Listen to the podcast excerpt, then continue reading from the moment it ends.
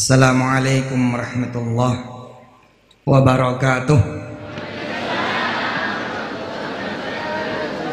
Alhamdulillah yang punya Quran di handphone silakan dibuka surah Sad surah ke-38 ayat 35.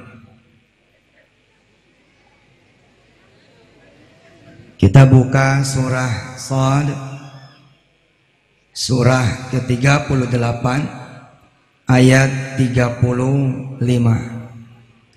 Kiai Hasan dan semua kiai di pesantren yang dimuliakan Allah ini mudah-mudahan saya ikut belajar bersama semua yang hadir di sini sama orang tua kita kita insya Allah salah satunya Pak Haji Tahrir, Dr. Izzat dan semua guru yang dimuliakan Allah. Insyaallah wahabni mulka la yanbaghi li ahadin min ba'di innaka antal wahhab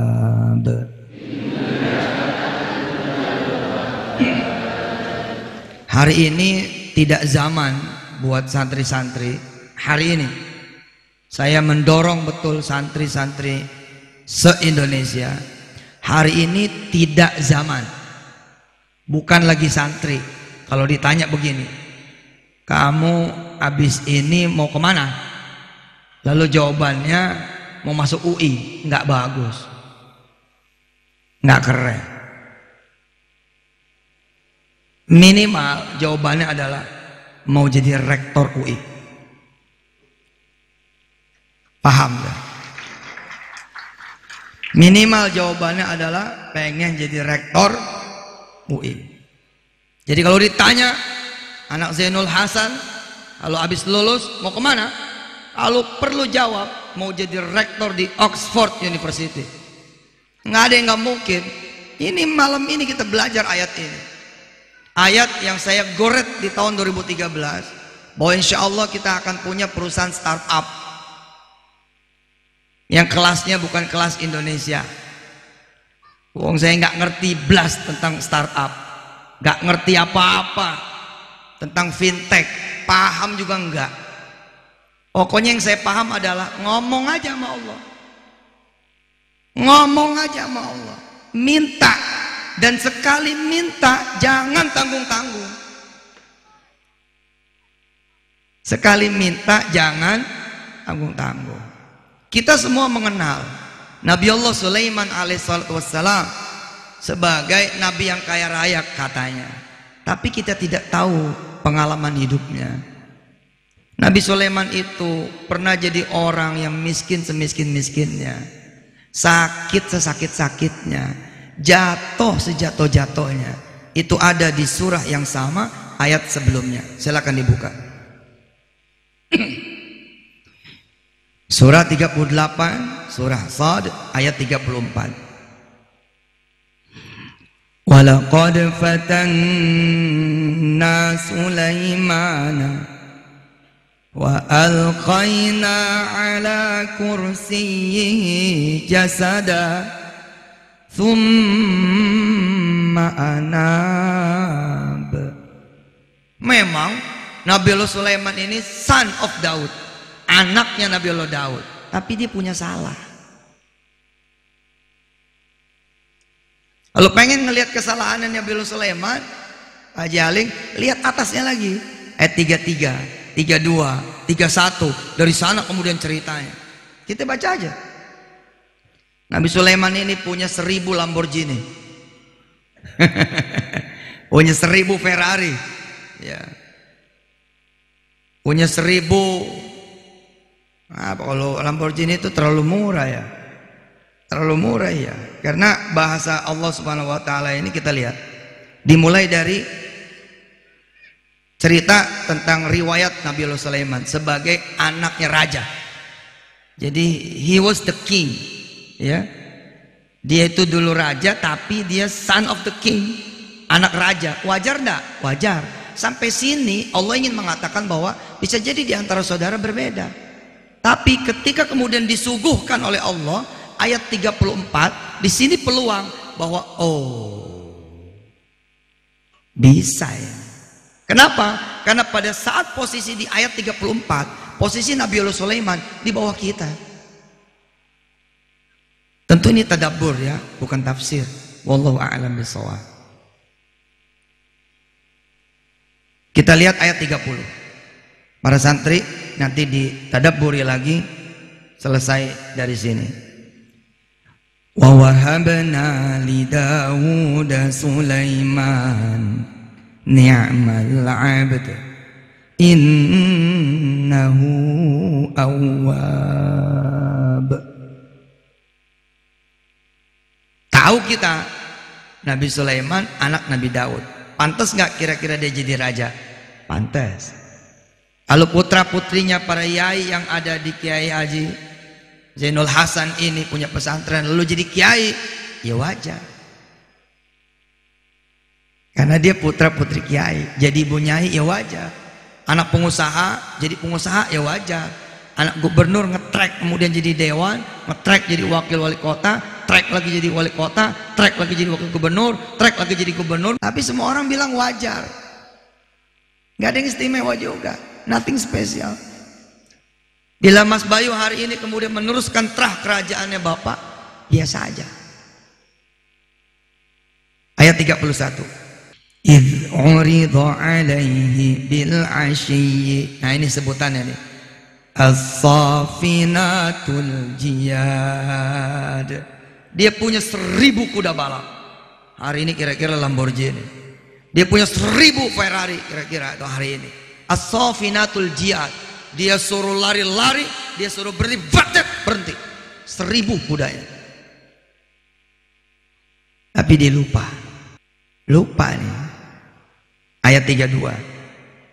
Faqala inni ahbabtu. Lihat. Sesungguhnya aku menyukai. Hubbal khairi an dzikri rabbi hatta tawarat bil hijab. Orang udah bagus-bagus punya warung buka cabang warung kedua buka cabang warung ketiga buka cabang warung keempat semakin banyak lupa diri Habis tuh. Habis semua. Rudduha alai fatafiqa mashan bisuqi wal a'naq. Ya Allah. Baru kemudian ayat 34 Allah bilang, kami cabut semuanya. Oh. Dicabut, Pak. Kerajaannya dicabut, istananya dicabut, kesehatannya dicabut bahasa Quran adalah wa alqaina fiha. Ya. Wa alqaina ala kursiyyi jasada Allah bikin Nabi Allah Sulaiman lumpuh. Udah nggak punya apa-apa. Bukan lagi siapa-siapa kemudian lumpuh. Walaqad fatanna Sulaimana. Kami kemudian uji Sulaiman. Di sinilah Bapak Ibu yang rahmati Allah Anda berpeluang Para santri juga berpeluang. Kenapa? Di posisi ini, saudara lebih hebat daripada Nabi Sulaiman pada saat itu. Wa alqaina ala kursiyihi jasada.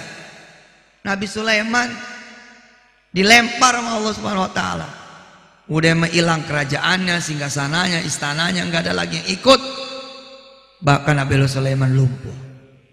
Tapi kemudian summa anab dia kembali kepada Allah. Perhatikan saudara. Biasanya, biasanya orang yang dagang bangkrut, doanya gimana? Ya Allah, kasih saya modal, biar saya bisa dagang lagi. Hari ini kita akan belajar sesuatu yang bigger than that, sesuatu yang akbar minha, sesuatu yang lebih besar daripada permintaan itu. Kita belajar dari Sulaiman nih anak raja Raja Daud. Daud meninggal, beliau mewarisi tahta. Menjadi kemudian the king of Sulaiman, king of Solomon. Oke? Okay? Berkuasa, bertahta. Tiba-tiba kemudian peng, hancur. Begitu hancur di bawah, permintaannya beda dengan kita. Coba kita lihat ketika kita punya hutang, doanya gimana? Gimana Mbak Arseti? Orang yang punya hutang doanya gimana? Ya Allah, nggak apa-apa deh, nggak punya apa-apa. Yang penting lunas utangnya, gitu. Betul tidak? Ya Allah nggak apa-apa deh, nggak dapat negeri. Yang penting kuliah di mana kek? Jelek amat. Doanya jelek amat. Berkarir nih dari OB, dong naik, set naik terus naik naik naik naik, naik GM, direktur, dirut.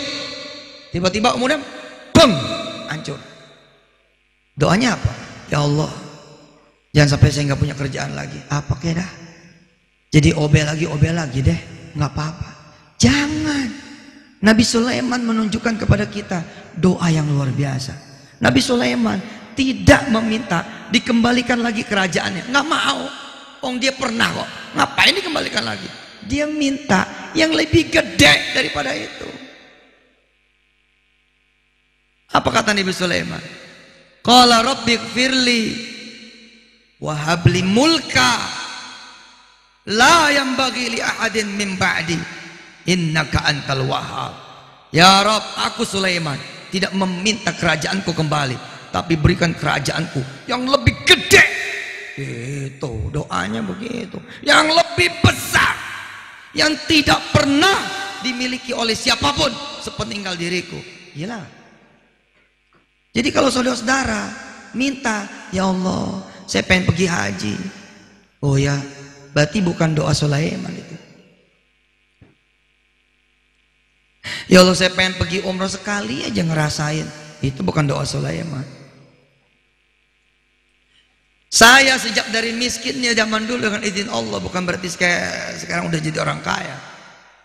Tapi sejak saya nggak punya duit pak, belajar nih, belajar Quran.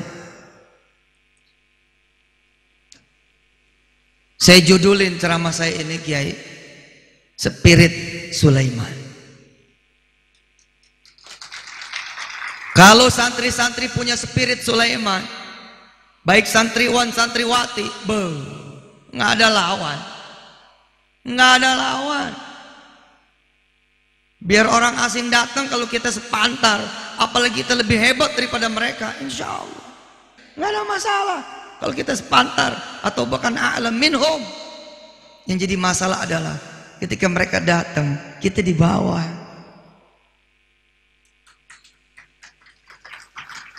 Ning susto ya tepuk tangannya.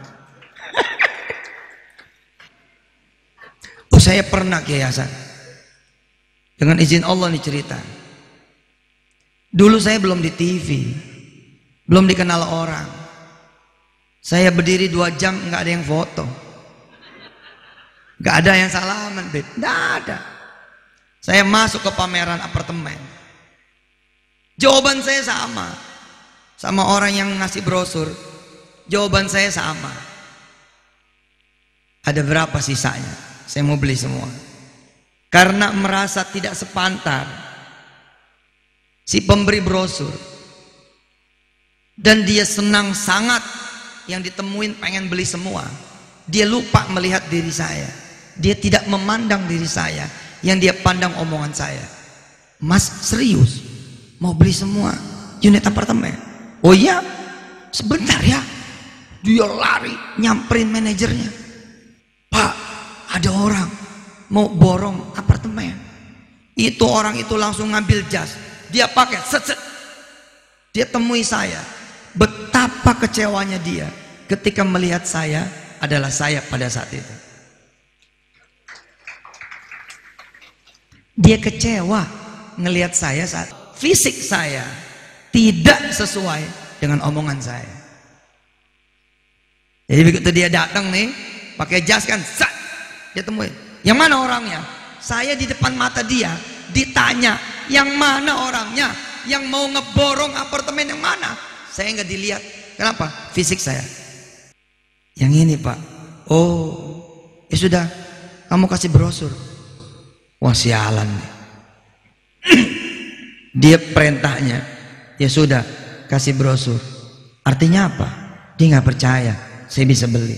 Saya panggil. Saya panggil nggak ada cerita. Woi pak sini. Saya ini mau beli cash. Berapa yang ada saya mau beli cash. Paham? Oh maaf pak. Oh mari mari beli ini kita punya unit 270 loh oh iya yang penting bicara cashnya berapa kalau harganya bagus, bismillah.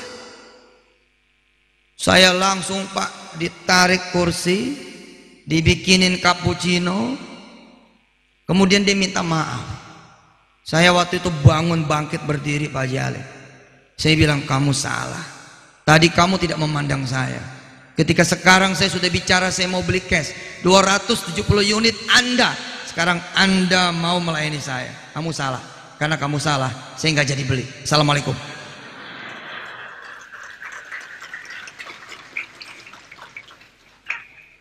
Karena kamu salah saya nggak mau jadi beli.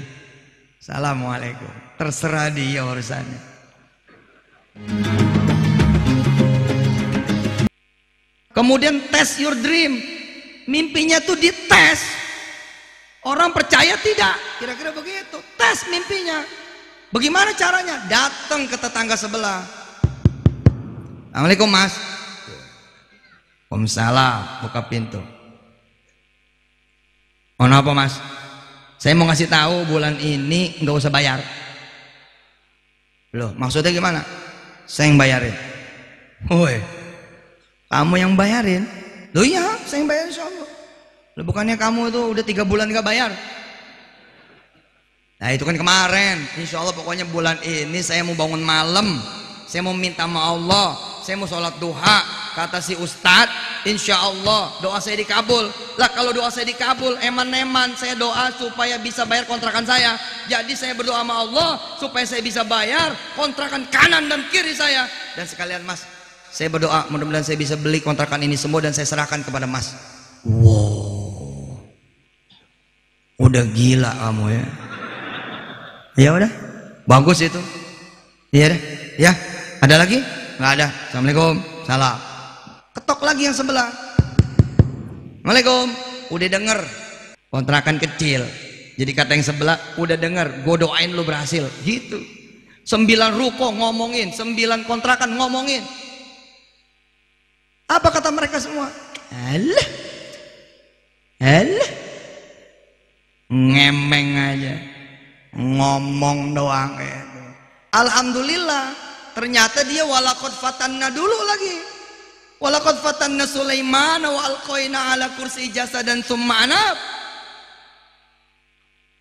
Alhamdulillah ternyata dia tetap nggak bisa bayar sampai bulan kelima dan dia diusir 18 keluarga nganter dia sampai pinggir jalan Ya mas, nanti di tempat baru kasih tahu saya ya. Ya, insya Allah. Yang satu lagi bilang, nggak jadi dong nih, bayarin kontrakan kita. Hehe, doain aja. Pokoknya nanti saya balik lagi. Gitu. Hari berlalu, minggu berlalu, bulan berlalu, tahun berlalu. Lima tahun kemudian, yang punya kontrakan ngabarin bahwa ada pembeli baru bahwa ada pemilik baru kontrakan kita semua ini. Dan semua tidak ada yang mengingat orang yang bakal datang ini adalah dia yang pernah mengetuk pintu mereka dan mengatakan bahwa tidak usah bayar bahkan kontrakan ini kami akan serahkan kepada anda. Nggak ada yang ingat. Pertanyaannya cuma satu siapa pak ah, nanti gua kamu kenal loh terus kalau nanti ini dijual kita tinggal di mana? Ya kamu ngomong aja sama yang punya kontrakan itu. Ya pak, anak saya sekolah di udah lah. Ntar gue ketemu. Jam berapa pak? Jam 4 mau datang. Jam 4 sore masuk nih, deng mobil Alphatra. Semua pada menanti. Ini yang beli kontrakan kita yang baru ini apakah orang baik atau tidak? Bakalan naikin duit kontrakan atau tidak, bakal nyusahin atau tidak, atau bahkan malah kita diusir apa gimana? Mereka menanti. Begitu tiba yang punya, disambut sama yang punya kontrakan, turun nih orang ini. Kalau di film-film sepatunya dulu yang diseret. Oh di film-film tuh Pak Suwadi, Pak Suwadi yang disorot tuh sepatunya dulu. Sepatu disorot itu. Lama gitu. Begitu keluar orang 18 keluarga ini. Hah? Ngelihat yang muncul anak muda lima tahunnya apa katanya? Lu kamu. Jadi sopir siapa? Gila ya. Padahal doanya dikabul nih, doa Sulaimannya dikabul. Qala rabbi firli wa habli mulka la yanbaghi li ahadin min ba'di innaka antal wahhab. Kata yang punya kontrakan, lah ya ini pemilik barunya. Uh, subhanallah. Kalau minta rumah tuh ngomongnya apa? Ya Allah kasih saya perumahan. Ngomong kok rumah biar kecil enggak apa-apa, yang penting bisa kebeli. Jangan. Ya Allah kasih saya tujuh perumahan. Satu rumah, satu perumahan itu seribu rumah. Itu doanya. Itulah permintaan Nabi Sulaiman wahabli mulka maka pembicaraan anak-anak santri ke depan itu tidak boleh lagi ada cerita kamu mau kuliah di mana tidak kamu mau jadi rektor di mana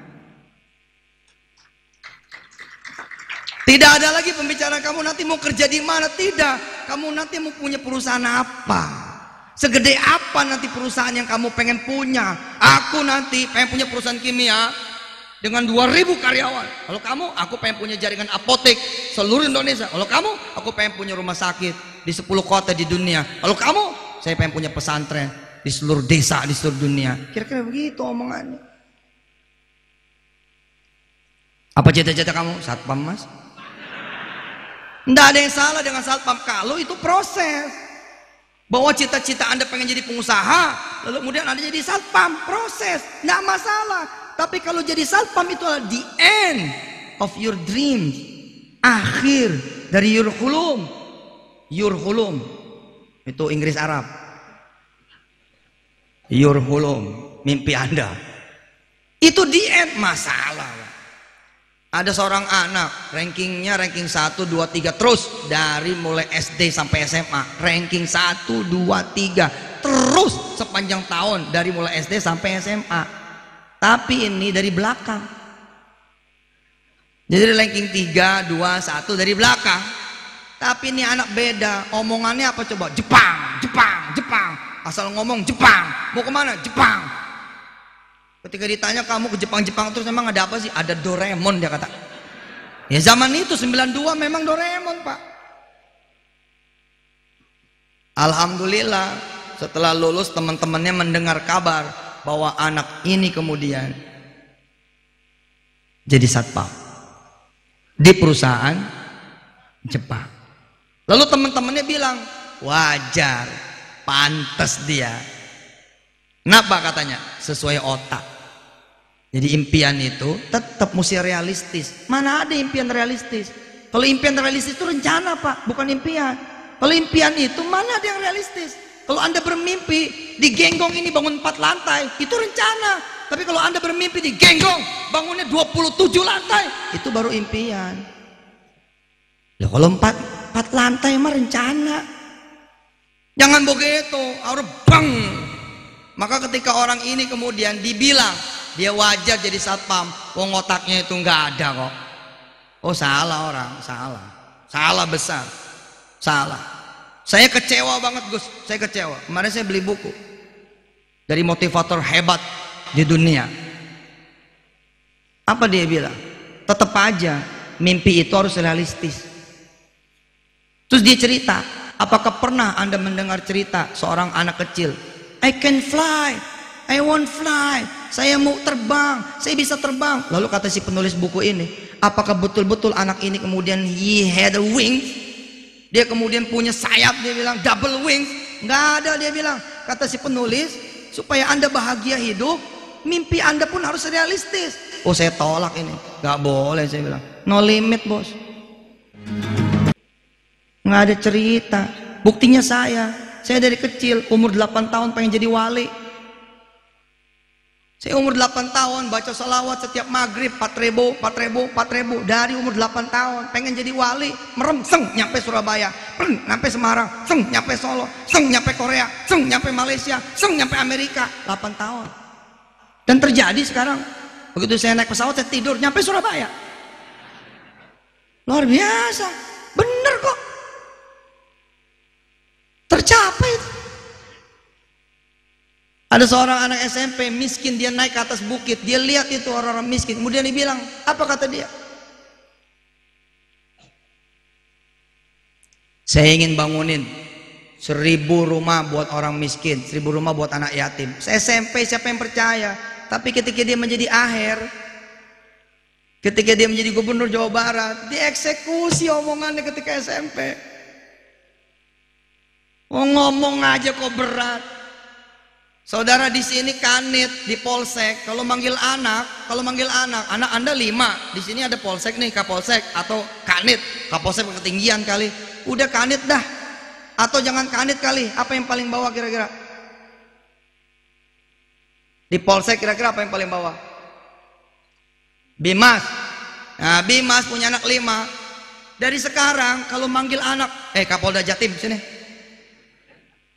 Itu pengasahan. Kalau manggil anak, Kapolda Jabar, sini. Kapolda DKI, sini. Satu lagi, Panglima TNI, sini. Menteri, sini. Manggil anak begitu. Lo anak-anak kiai wajar jadi pada kiai dari kecil dipanggil Gus. Gila nggak? Dipanggil Gus dari kecil. Doanya Nabi Sulaiman. Jadi orang ini bawa nih duit 100 juta ke saya. Dan dia ini pemetik kelapa di desa. Berapa sih? Duit sehari, Pak? Kadang-kadang dia cerita 1.500 perak, kadang-kadang 7.500 perak. Paling tinggi 20 ribu. Tapi di atas pohon kelapa dia melihat jauh sampai ke Eropa. Nggak tahu tuh dari mana tuh otak tuh bisa begitu. Ya saya bilang kalau kamu mandang cuma digenggong doang ya digenggong aja. Tapi kalau kamu tembus pandangan sampai ke jauh ya. Nih santri-santri kalau ngelihat sutet, tahu sutet, sutet, tegang listrik. Kamu udah bisa ngelihat sutet kayak menara Eiffel. Itu Perancis deket. Jadi kalau ngelihat Eiffel tuh kayak melihat Eiffel. Wow, sutetnya Eiffel. Ini tukang panjat kelapa, tukang petik kelapa, bisa nenteng duit 100 juta. Betul kiasan, dia tenteng 100 juta. Dia bilang sama Allah Ta'ala, saya pengen jual kelapa ke luar negeri. Itu memang orang yang kalau ngomongnya sekarang ngelihat dia dulu ketawa-ketawa. Kayak sahabat saya tadi ketika ditanya, kamu tahu 5 triliun itu berapa? Gak ngerti. Saya salah. Rupanya 5 triliun saya itu dulu 5 juta. Tapi hari itu dia menjadi wali kota. Yang penduduknya 1,9 juta.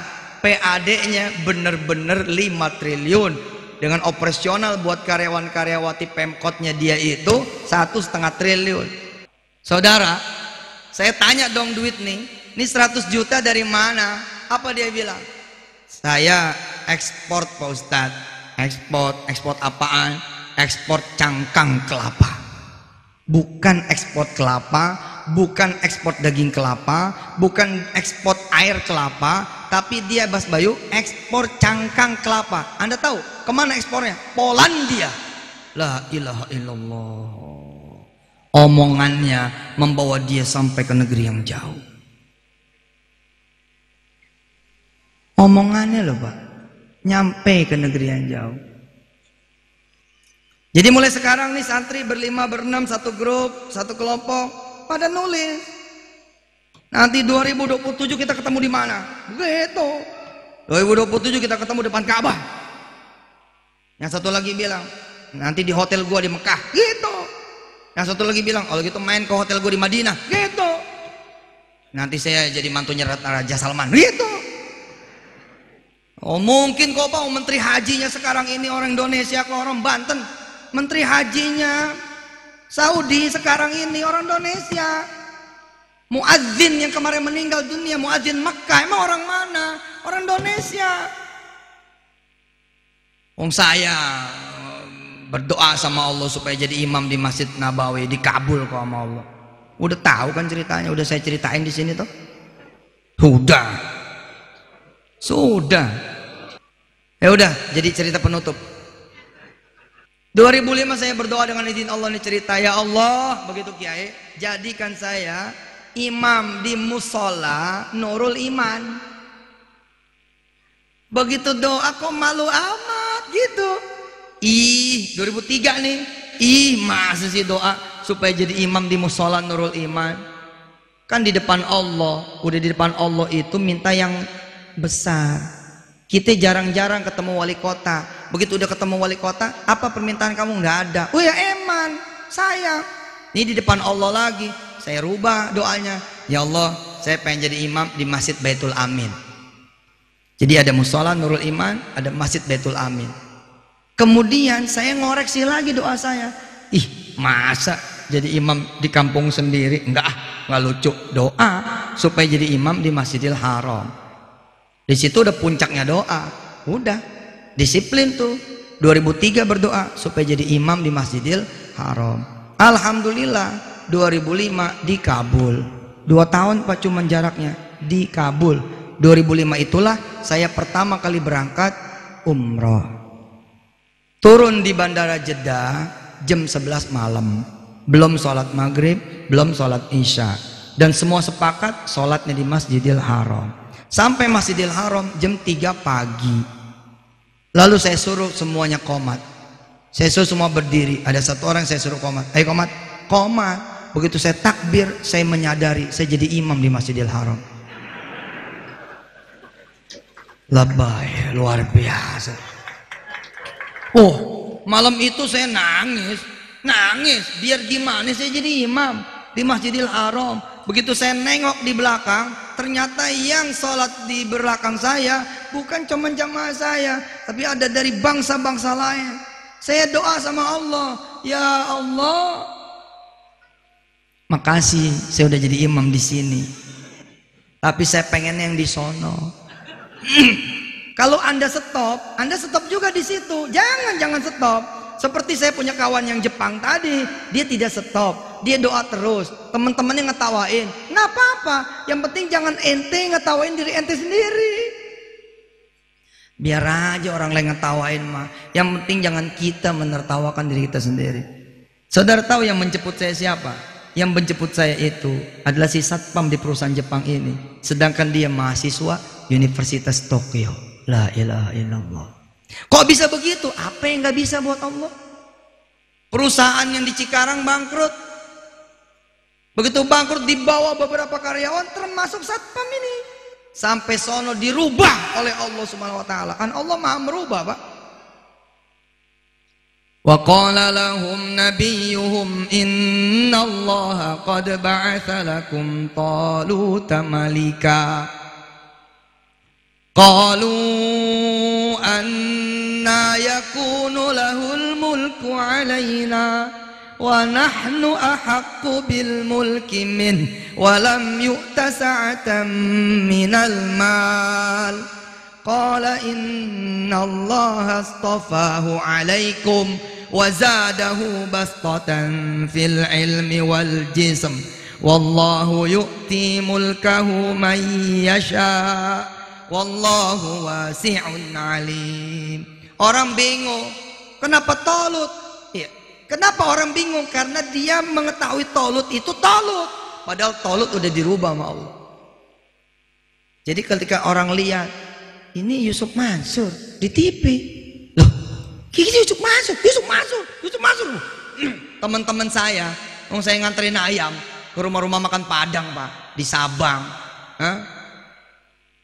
Garuda, Sari Ratu, nganter-nganter ayam. Rumah makan Padang Medan. Jadi begitu saya muncul di TV, loh, itu bukan itu tukang ayam itu. Jadi Allah merubah, Allah merubah teman saya ini si satpam begitu nyampe Jepang jadi orang pinter pak. Sekolah di Tokyo ngambil akuntansi, jemput saya.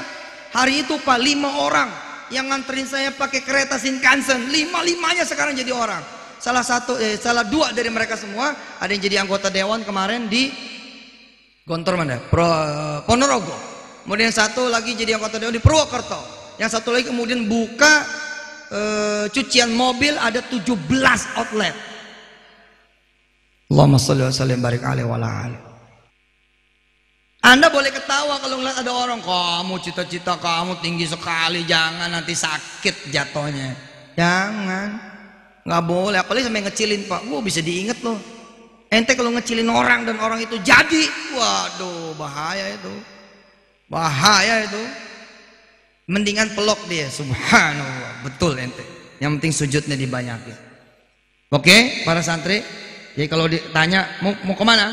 Mau kuliah jadi perawat. Jangan langsung bang. Mau apa kamu nanti? Mau buka sepak tapi di 10 kota di dunia yang syariah. Kebayang nggak kamu? Ada di London sepak syariah. Ada di Washington DC sepak syariah. Ada di New York sepak syariah. Ada di Berlin sepak syariah. Dan di bawahnya ada tulisan genggong sepak.